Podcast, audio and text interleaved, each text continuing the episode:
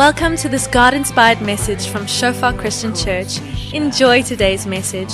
May you experience the presence of our Father and may you grow deeper in your relationship with Him. Oh Jesus, your love over Vir die van julle wat eerste keer hier so is, welkom by ons Afrikaanse oggenddiens. As jy die video kyk of na die recording luister. Welkom hier so by Shofar se Koen. Ons hoop dat jy iewers met ons connect, iewers 'n boodskap stuur sodat ons met jou kan connect, kan inskakel en regtig in hierdie tyd saam met jou op pad stap. Ons is besig vanoggend met deel 2 van ons klein preekreeks genaamd Heiden of Heilige. Heiden of Heilige. Ons is besig met deel 2 reageer op genade. Want ons is besig om te kyk na die lewe van Dawid en Saul en ons kontrasteer dit bietjie teen mekaar en vergelyk dit met mekaar hierdie twee eerste konings van Israel. Albei van hulle het gesondig, die woord van God het na albei van hulle toe gekom, maar van hulle, een van hulle, Dawid veral, reageer anders op die genade wat God na hom toe uitreik as Saul. En weet ons vra vir ons die vraag af, Here, maar maar wat gebeur hierso? Hoe lyk dit? Met albei albei het sondes en as dit vir ons met ons menslike oog moet oordeel, dan lyk dit of Saul se so bietjie kleiner is as Dawid se en tog is hy getrou teenoor Dawid, tog is hy altyd by Dawid, maar hy vat die gees van Saul af weg. Hy skeer die koninkryk van hom af weg.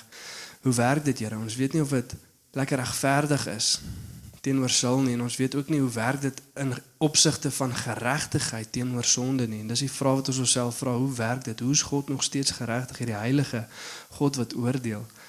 En wat werk dit en hoe werk genade in die lewe van hierdie twee ouens? Maar voordat ek inspring, kom ek open vir ons sit in gebed. Ja Here, dankie dat ons vanoggend hier kan wees. Vader, dankie vir elke persoon wat hier by ons is, Here, wat inskakel, wat daar by hulle huise sit, Here, wat luister. Vader, dankie Heilige Gees dat U by ons is, Here, dat U U Gees op ons uitgiet, Here, dat U genade op ons uitgiet, Here, sodat ons na U woorde luister, Here, soos wat Sommer hier vanoggend gesê het, Vader, is U woord, Here, daai twee snydende swaard, Vader, wat indring tot in ons binneste, Here.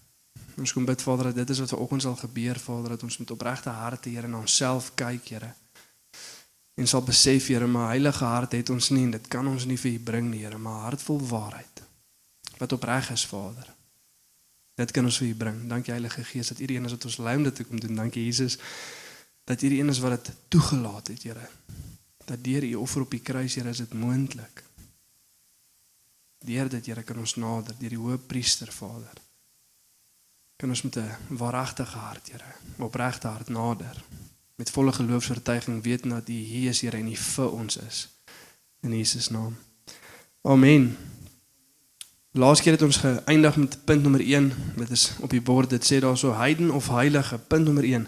Dis net die woord van God wat kan deurbreek en 'n heiden verander in 'n heilige. Ons het vanaand laas keer hiertoe gekyk en hierdie twee sondes van hierdie twee konings gekontrasteer met mekaar net om dit vir vinnig te recap. Saul gaan die Filistyne is besig om te nader. Hulle wag vir Samuel om te kom en 'n offer te gee tot die Here sodat die seën van die Here en die woord van die Here saam met hulle kan gaan in hierdie tog van oorlog. En Samuel is die een wat bietjie lank vat. Hy's die een wat terughou. Hy's die een waarvoor hulle wag. Hy's die een wat laat is. En Saul, soos wat dit lyk, uit 'n goeie hart staan toe op. Hy gee tot die offerandes vir God sodat die seën saam met hulle kan wees. En hy offer die sacrifices vir die Here sodat die seun van God saam met hulle kan wees en dit lyk na goeie ding, dit lyk na opregte ding en hier kom Samuel en hy sê God skeer die koninkryk van jou weg en hy gee dit vir iemand anders, 'n man na in sy hart wat als sal doen wat ek hom beveel en dis Dawid. Maar twee hoofstukke later dan sien ons asof die Here vir Saul 'n tweede kans gee. Samuel kom weer na hom toe en hy sê die Here het my gestuur om jou te salf as koning oor Israel die koning van die Amalekiete, Amalek en sy nasie is besig om teen ons op te staan. Hulle leer die nasies om ons groot sonde, julle moet hulle gaan verwoes. En Saul kry 'n tweede kans en hy gaan uit. En wat Saul doen is hy maak nie alles dood nie. Hy hou van die diere om vir God te gaan offer by Gilgal. En ook hy vir Amalek, die koning van die Amalekiete lewendig. En weer eens sien ons dat Saul se grootste sonde is hy maak nie almal dood nie. En dit lyk vir ons interessant en ons vra Here, wat gaan nie aan? En die Here skeer sy koninkryk van hom af weg en hy vat sy gees van hom af weg. In die oomblik as hy vir Dawid salf, dan gaan die gees van Saul af weg en dit rus op Dawid. En 'n bose gees gaan oor Saul en hy en sy seun word toe later in oorlog doodgemaak. En hier kom Dawid en as ons na die sondes van Dawid kyk wat ons laas keer gesien het, hy gaan hy breek egbreek. Hy pleeg egbreek. Maak 'n ander man se vrou swanger, nie net enige ander man nie, dat dit 'n verskil maak nie. Asseblief, moenie verkeerd verstaan nie. Maar een van sy goeie vriende, een van sy soldate, die dapper manne van Dawid, the mighty men of valor wat saam met hom in die oorlog was wat hy geken het wat berge vir Dawid versit het. En hy maak sy vrou swanger en hy nooi vir Jeria weer Jerusalem toe en hy probeer sy sonde bedek, stuur vir Jeria huis toe sodat hy kan dink dis sy seun wat gaan gebore word. Jeria wil nie gaan nie en hy maak hom dronk. Nog steeds wil hy nie gaan en hy stuur hom terug oorlog toe met 'n brief vir Joab en sê: "Sit vir Jeria voor, trek van hom af weg sodat hy doodgemaak kan word." En Dawid beplan toe die moord van Jeria. En 'n jaar gaan verby, die kind is al gebore en Dawid het nog nie bekeer nie, hy het nog nie bely nie, hy het homself nie na die Here toe gedra nie. Ons sien dieselfde in die lewe van Saul. Hy gaan aan, hy rig 'n monument tot homself op en hy gaan eenvoudig aan totdat Samuel by hom kom. En ons sien hierso in 2 Samuel 12 vers 1 en 1 Samuel 15 vers 16. Dan lees ons die volgende. Daarna het die Here vir Nathan na Dawid toe gestuur. Die Here stuur sy boodskapper en Samuel sê vir hom: "Bly stil, laat ek jou vertel wat die Here vandag vir my gesê het." Dis ons laas keer geëindig het ons sien dat God stuur sy boodskapper na mens toe want ons natuurlike neiging is nie om te bely en te bekeer nie. Die natuurlike neiging van die mens is om onsself te regverdig, ons sondes op te dek en eenvoudig aan te beweeg. Dis wat ons doen en die oomblik as die woord van die Here kom, dis 'n harde woord, dit oortuig ons van ons sonde. Dit sê in Johannes 16 vers 8 dat as die Heilige Gees kom, gaan hy die wêreld oortuig van sonde. Conviction, he will convict the world concerning sin. En dit is wat God doen in ons lewe en baie keer as ons daai oortuiging voel en die Here kom druk op sekere knoppies in ons lewens dan Dit wil ons al terug terugduin, jy wil 'n bietjie wegkruip en ons wil dit bietjie bedek. Maar laas keer het ons gesien dat dit is hoe hoe God sy genade op ons uitgiet. Dis 'n hand van genade wat na ons toe uitreik want ons gaan uit ons eie uit nie bekeer nie. Ons gaan nie bely nie. God moet kom en hy moet eers te werk. Dit is die evangelie maar die seun van die mens het gekom om te soek en te red wat verlore is. Dis Jesus wat na ons toe uitreik en mag ons altyd soos wat ons dit sien, soos wat ons dit ervaar, soos wat God mense stuur, sodat ons sy woord lees. En ons word oortuig van daai sonde, mag ons altyd weet dat dis genade wat God na ons toe uitstryk. Dis genade wat besig is om 'n hand uit te steek sodat ons kan bekeer, kan bely.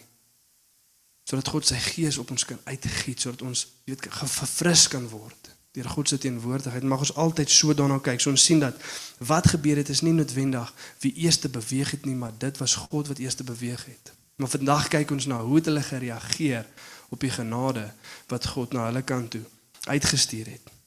Ons kyk eers in die lewe van Saul. Hoe reageer Saul op die genade van God? Se vraag wat ons osself moet vra. Wat gebeur as Samuel na hom toe gestuur word? En ons lees hierso in 1 Samuel 15 vers 20 tot 21 en dan 28 tot 30. Saul antwoord toe vir Samuel nadat hy vir hom gesê die Here sê jy het gesondig teen my. En hoor wat sê Saul? Maar ek het na die beveelings van die Here geluister. Die engel sê I have obeyed the voice of God. Die manskappe het egter die manskap het egter but the people ek het gehoorsaam maar die mense het die byk kleinvee en die beeste gevat. Die beste om aan die Here u God in Gielgald te offer. Let ook daarso u God, nie die Here my God nie, maar die Here u God op Gielgald offer. Toe sê Samuel vir hom, Hy hy erken nie sy sonde nie en hy sê weer vir hom die Here het die koningskap van Israel nou van jou af weggeskeer. Ek het gesondig, sê Saul toe.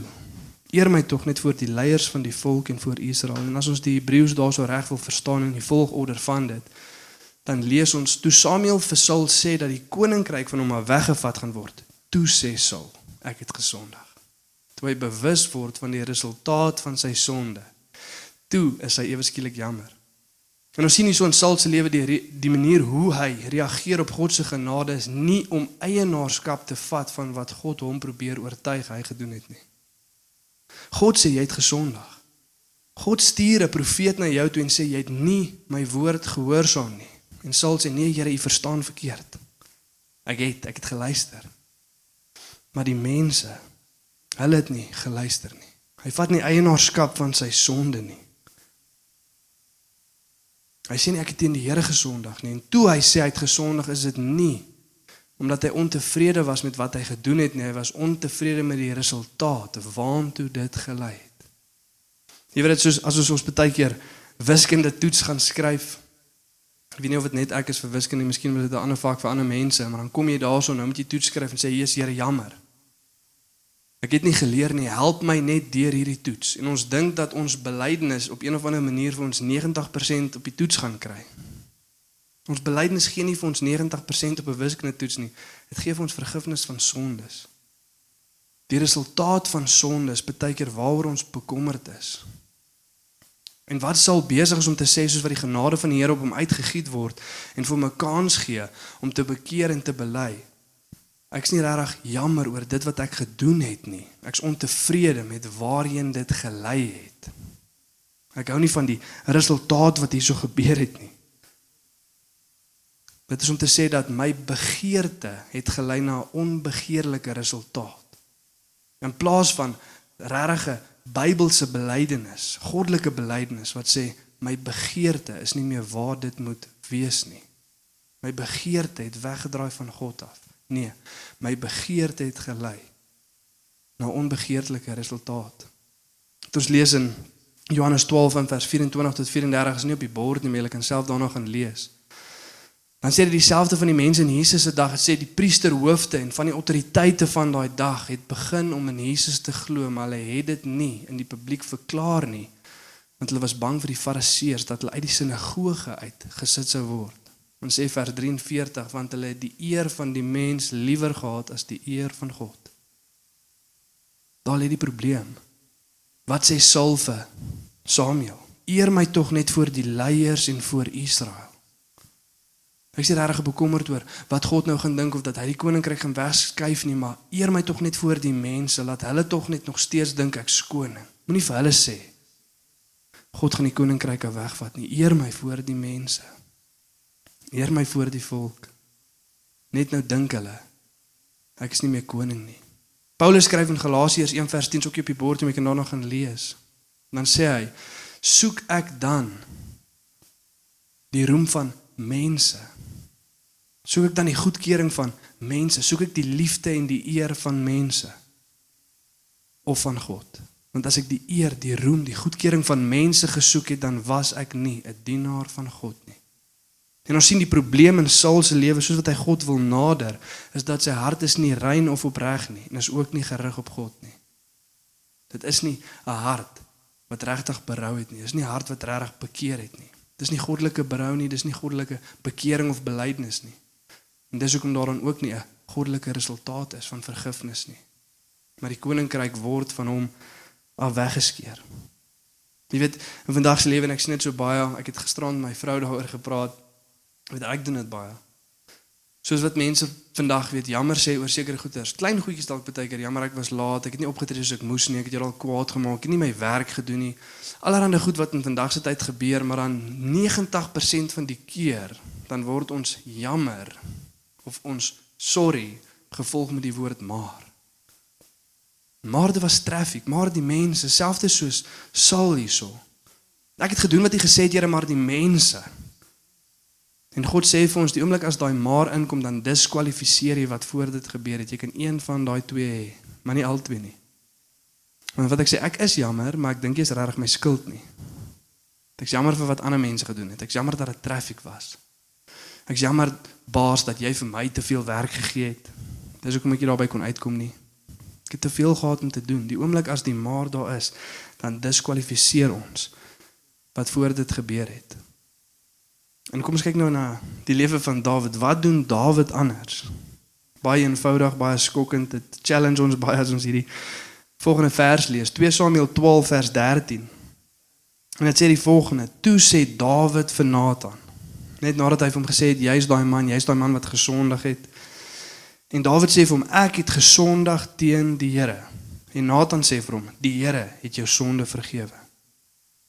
Soos soos Here, so eenvoudig. So maklik. Wat gaan nie aan? Ons het nou net gelees van Saul. Saul het ook die die woorde uiteindelik gesê ek het gesondig. Hy was nie vergewe nie. Soos die engel sê the Lord has put away your sin. Here, so eenvoudig. Hoe werk dit? Hoe's dit regverdig? As ons dink aan Saul, Here, dan weet ons nie of dit lekker bely nie. En as dit kom by die sonde, dan weet ons nie of dit regtig geregtigheid is wat hierso geskied nie. Hoe's dit regverdig teenoor Saul? En hoe is dit geregtig teenoor sonde? Volgende week sal ons 'n bietjie kyk na die geregtigheid teenoor sonde. Hoe is dit? Dat God se party mense se sonde oorstaan, laat staan, wegsit, vergewe. Maar andersin nie. Hoe is dit 'n geregtige God wat oordeel laat geskied? Maar vandag kyk ons na die verskil hierso. Die woord van die Here kom na albei toe, genade word na albei toe uitgereik, maar hulle resultaat lyk heeltemal anders. Want hulle belydenis lyk heeltemal anders. Hierso sien ons Dawid, hy vat dadelik eienaarskap van sy sonde. Ek het gesondig teen die Here. Hy sê nie nee, Jesus Here, wat eintlik gebeur het is ek het gestuur om vir Batseba te gaan kry want toe hulle vir my sê dis Jeria se vrou, toe onthou ek hy dis my maat, dis my vriend. Ons het saam geveg. Ek wonder hoe gaan dit met haar? Ek wou net gehoor het hoe gaan dit? Want ek het geweet hy was nou al ruk lank by die oorlog. En ek wou by hoor hoe gaan dit? Hoe gaan dit by die huis? Moet ek vir jou nuus gee oor oor Jeria, dit gaan goed met hom. Hulle is besig om te vorder in die oorlog. Moenie bevrees wees nie. En toe sy begin aanlê. Ek wou net praat. Sy eintlik haar skuld gewees. En ek is mos maar net 'n man. Toe gee ek maar net in. Maar dis eintlik haar skuld, Here. Nee. Dawid doen nie dit nie. Hy vat eienaarskap van sy sonde. Ek het gesondig voor die Here. Dit is my skuld. En hy sê daar I've sinned against the Lord. Die Engels sê I've sinned against the Lord and against you only have I sinned, O Lord. Net teen U het ek gesondig en wat hy probeer sê is hy probeer nie sê hy het verkeerd teen ander mense gedoen nie. Hy probeer nie sê ander mense het nie seer gekry nie. Hy sê nie dis verkeerd teenoor hulle nie, maar hy sê as ons dink aan wat sonde is, die basis daarvan, die fondament, dan se teen die Here. Teen sy reëls, sy regulasies. Ek is gemaak om glorie aan God te gee en vir hom en deur hom te lewe en dis nie wat nou gebeur het nie. Ek het teen hom gesondig. En baie keer sien ons dit mis in vandag se lewe. Dis ek jammer ek het daai mense kwaad gemaak of ek het nou dalk van iemand geskinder, maar besef ons ons sondig teen die Here. As ons onvergifnis het, dan dink ons nie ons sondig teen die ander mense nie. Hulle ja, hulle hulle het sleg teenoor my gedoen. Here, hulle dit, dit was dit was nie 'n goeie situasie nie. Hulle het my beskadig. Hulle het van my geskinder allerhande goed. Ek sukkel om hulle te vergewe. En die Here sê jy's besig om teen my te sondig as jy nie kan vergewe nie. Verstaan ons dit? Verstaan ons wat hier aangaan? Jammer dat ek hulle kwaad gemaak het, Here. Maar God sê ons moet verstaan dat ons sy reëls en sy regulasies breek en oortree. Dawid het 'n Psalm geskryf oor hierdie belydenis soos wat hy gesondig het met Batseba, Psalm 51 en kyk bietjie wat skryf Dawid daarin. Psalm 51 van vers 3 tot 5 van sê die volgende: Wees my genadig o God in die troue liefde. Wis my oortredings uit. In die groot barmhartigheid was my skoon van my skuld. Reinig my van my sonde. Ja, of die Hebreëse woord wat die twee daar link want voor want Here, my oortredings ken ek en en van my sonde bly ek altyd bewus. En wat Dawid sê is Here deur die groot barmhartigheid, deur die groot liefde, wis asseblief my sonde uit want ek is bewus van my sonde. Hoekom is daai korrelasie daarso? Hoekom is Dawid wat bewus is van sy sonde, dit wat toelaat dat God sy sonde kan vergewe? Wat gebeur daarso? Dawid sê ek vat eienaarskap van wat verkeerd is in my lewe en ek vra U om my te vergewe van wat ek verkeerd gedoen het. Ons gaan nooit vergifnis vra van 'n sonde waarvoor ons nie eienaarskap van vat nie. Ons moet verstaan wat nou hier gebeur want ons is goed om onsself en allerlei dinge te oortuig. Maar die Here kan nie die sonde vergewe wat jy voorgee jy nie het nie. Die Here kan nie die sonde vergewe wat jy voorgee jy nie het nie. Want jy gaan nie goddelike belydenis toon teenoor die sonde wat jy voorgee jy nie het nie. Jy gaan nie bely oor die sonde wat jy voorgee jy nie het nie. Want ons het onsself regverdig, ons het vir onsself stories vertel. Here, dis nie eintlik ek nie, dis nie my skuld nie.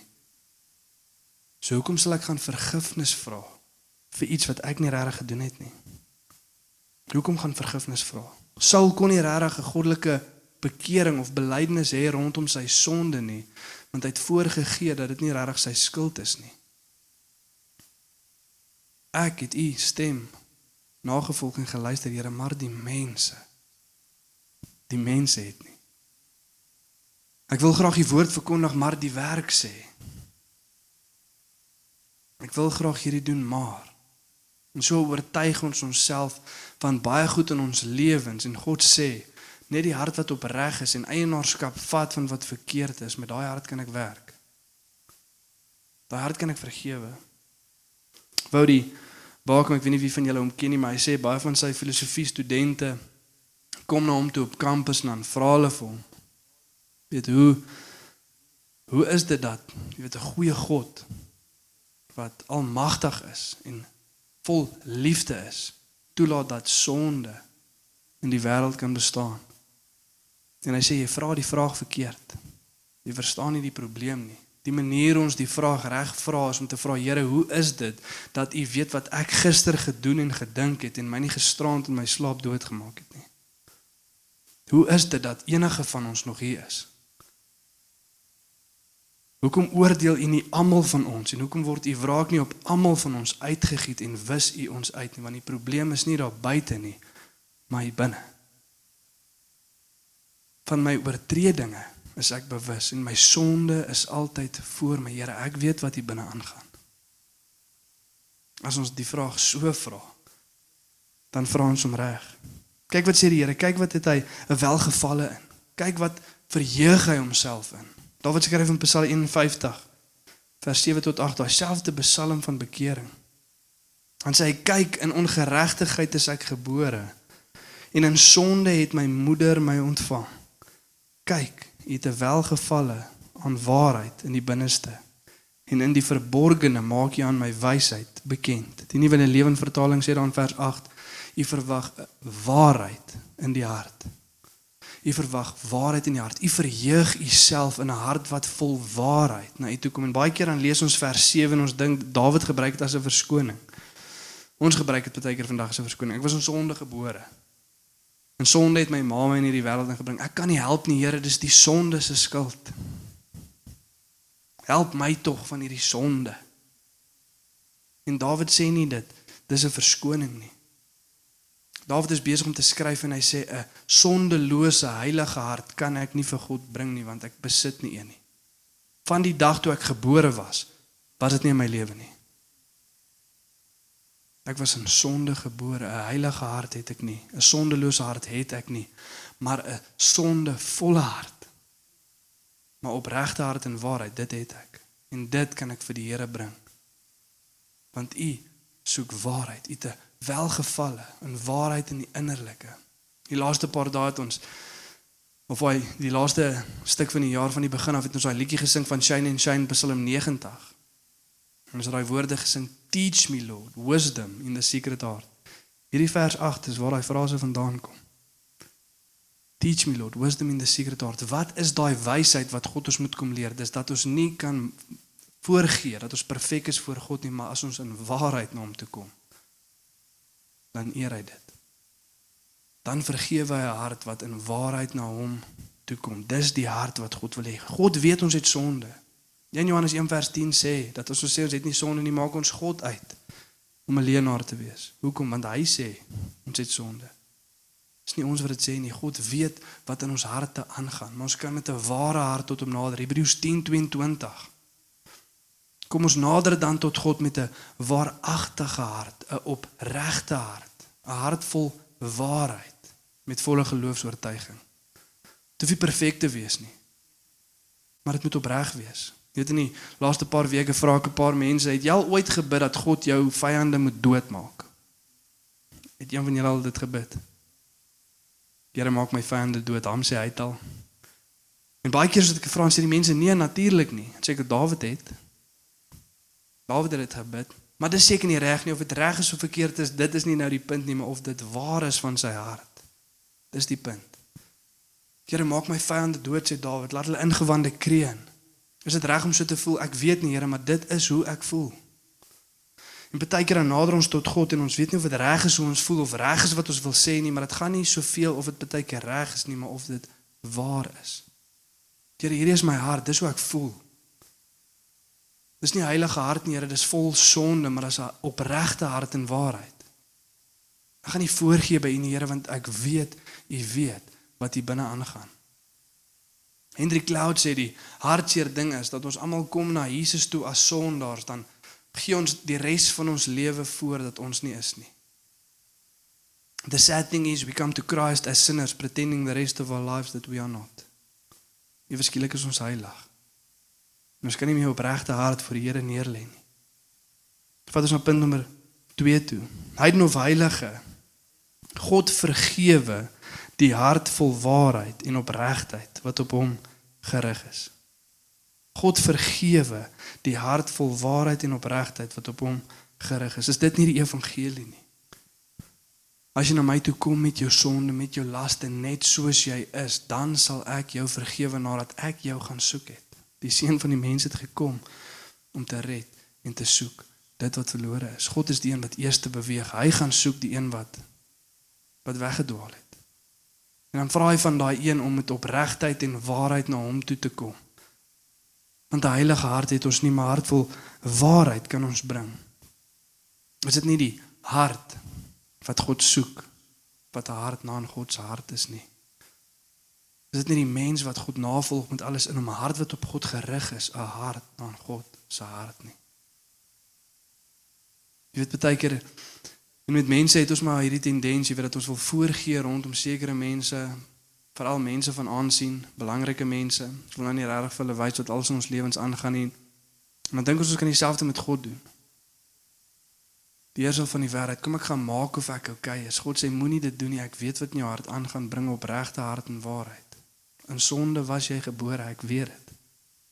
Bring daai opregte hart. En baie keer het ons al vir die jy weet job interview mentaliteit as dit kom by die Here. Ons gaan vir 'n vir 'n job interview en voor die tyd dan vra jy vir van jou vriende wat al daarso was, "Hey, hoe werk dit? Wat se vrae vra hulle? Wat se woorde moet ek gebruik?" Dan sê hulle hulle gaan hierdie vrae vra, praat so, gebruik hierdie woorde. Moenie daai sien nie, hulle hou nie baie daarvan nie. En dan dink ons ons kan dieselfde met die Here doen. Gebruik hierdie woorde. Ons is baie keer so bewus van die woorde wat ons bid en God kyk na die hart wat daai woorde bid. Dit ons dink baie keer jy's the pair of Jabez, daai ou het gebid in die Bybel en God het regtig hom geseën. Kom ons gaan kyk wat se woorde hy gebruik het, dan gebruik ons dieselfde. Ons doen dit baie keer. Of mense stuur goed uit, hierdie is 'n kragtige gebed, jy moet dit bid. Bid hierdie oor jou familie. En ons dink aan die woorde wat ons bid. God dink aan die hart wat daai woorde bid. Die Bybel sê nie 'n geregtige gebed is kragtig soos wat dit werk nie. Dit sê die gebed van 'n geregtige is kragtig soos hy werk sien die woorde wat ons bid nie, maar die hart wat daai woorde bid. Die hart wat na God toe nader. Want as ons voorgee, kan God nie met ons werk nie, ook nie ons vergewe nie. Hy wil met jou werk, dit wat jy is. En ek wil ons almal aanmoedig om my oomblik te gaan hê net voor die Here te kom en te sê Here, hier's my hart. Ek weet nie wanneer laas jy dit gedoen het nie. Om te sê Here, hierdie is die goed wat ek dink, waarmee ek myself besig hou. U weet dit, Here. Maar kom gee dit voor U uit en Here wil hê ons moet daai verhouding met hom hê soos Dawid ons lees reg deur die Psalms, so hy net sy hart voor God uitgestort het. 'n Ware hart, Here ek's benoud. Here ek's bevrees. Here ek verheug myself en die Here maak die mense dood. Here red die mense. Op en af, maar dis my hart, Here. Dis nie 'n heilige hart nie, want ek het nie eene nie. Maar 'n opregte hart, vol waarheid. Want dit is wat ek vir U kan kom bring. Ek los ons met Die volgende vers 1 Samuel 16 vers 7. Is net nadat Dawid in die veld nog besig is en Samuel gaan na sy familie toe om te kyk wie is die volgende persoon wat die God gaan salf as koning oor Israel en die Here sê vir Samuel maar die Here sê vir Samuel kyk nie na sy voorkoms en sy hoë gestalte nie want ek ag hom te gering want nie wat die mens sien sien God nie van die mens sien aan wat voor oë is maar die Here sien die hart aan Die Here sien die hart aan. Die Here kyk na die hart. En wat ek vanoggend vir ook vir ons wil sê is baie mense sê die Here ken my hart. Maar die hart moet gebelyn wees met goddelike waarde wat ons in skrif kry. Anders gaan God daai hart oordeel. Die Here ken my hart. Ja, dis ek my gaan oordeel. Ons harte moet belyn met die waarheid van God se woord. Dis dis wat Saul gesê het. Die Saul het daai slagspreuk gebruik. Die Here ken mos my hart. Dit is om vir hom diere te gaan offer by Gielgal. Die Here sê nee, jy voor jy gee voor dat dit jou hart is. Dit is nie.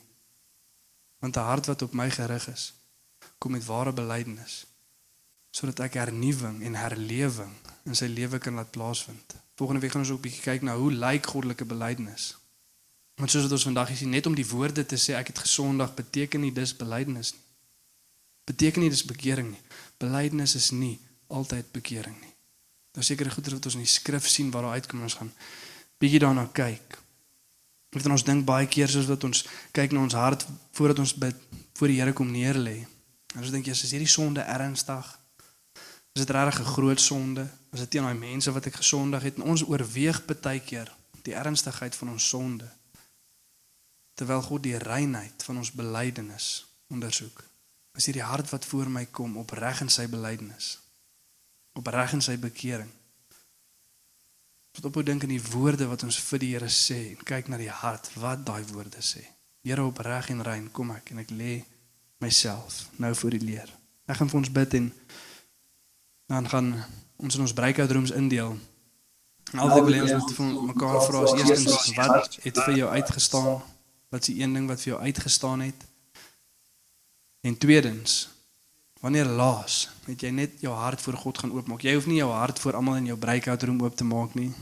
Net wanneer laas het jy gegaan net jou hart voor God gaan oopmaak en gesê Here, hierdie is wat in my hart aangaan. Want hy kan die sonde nie vergewe wat ons voorgee om nie te hê nie. Net die sonde waarvan ons eienaarskap vat. Dis die evangelie God verheug homself om te vergewe. Maar net dit waarvan ons eienaarskap vat, kan God vergewe. Ek gaan vir ons bid en dan spring ons in ons breakout rooms in. Ja Here, dankie dat ons voor U kan kom, Vader en kan kom dankie sê vir vanoggend. Here, dankie vir U woord, Here, dankie vir U waarheid, Here wat oor ons spoel, Vader en ja Here, dat soos wat ons na die skrif kyk, Here, dan sien ons hier is nie moeilike goed om te verstaan nie, Here. Dis nie ver bo ons verstand nie, dis eenvoudig, Here. Dis die boodskap van die evangelie dat 'n goeie God kom om sondige mense te red, Here. Om 'n prys te betaal wat ons nooit sal kan terugbetaal nie. U is die een wat eers te beweeg en genade oor ons uitgiet, Here. Nie nie verwag nie Here dat ons in heiligheid reageer nie, maar in opregtheid reageer, Here. Opregte hart vol waarheid. Dit is wat U 'n welgevallene het. Dis waarin U self verbly en verheug. You delight in truth in the inward being. En ja, Here, ek kom bid vir die vrymoedigheid, Vader, vir ons om te gaan en net ons harte voor U oop te maak, Vader. Wat 'n wat 'n gedagte, Here, dat die heilige God van die heelal wat alles gemaak het, homself verheug in die feit dat 'n sondige mens sy hart voor hom kom oopsprei. Ons dink dit dit moet andersom wees, Here. Hoe hoe kan ek my hart voor 'n God gaan oopmaak wat heilig is en hy straf my nie? En hy jaag my nie weg nie. Hoe gebeur dit? Maar as sien ons hierdie heilige God wil hê ons moet daai hart bring. Nie in voorgee nie, maar in opregtheid, Here. Dankie vir u goedheid. Dankie Heilige Gees dat U kom en oortuig van sonde. Nie om uit te wys om weg te jaag nie, Here, maar sodat ons kan bely en bekeer en sodat tye van verfrissing kan kom van U teenwoordigheid, Here. Hoe goed is ons God? Hoe goed is ons God? Ja, Here, dankie vir U goedheid in Jesus naam. Amen.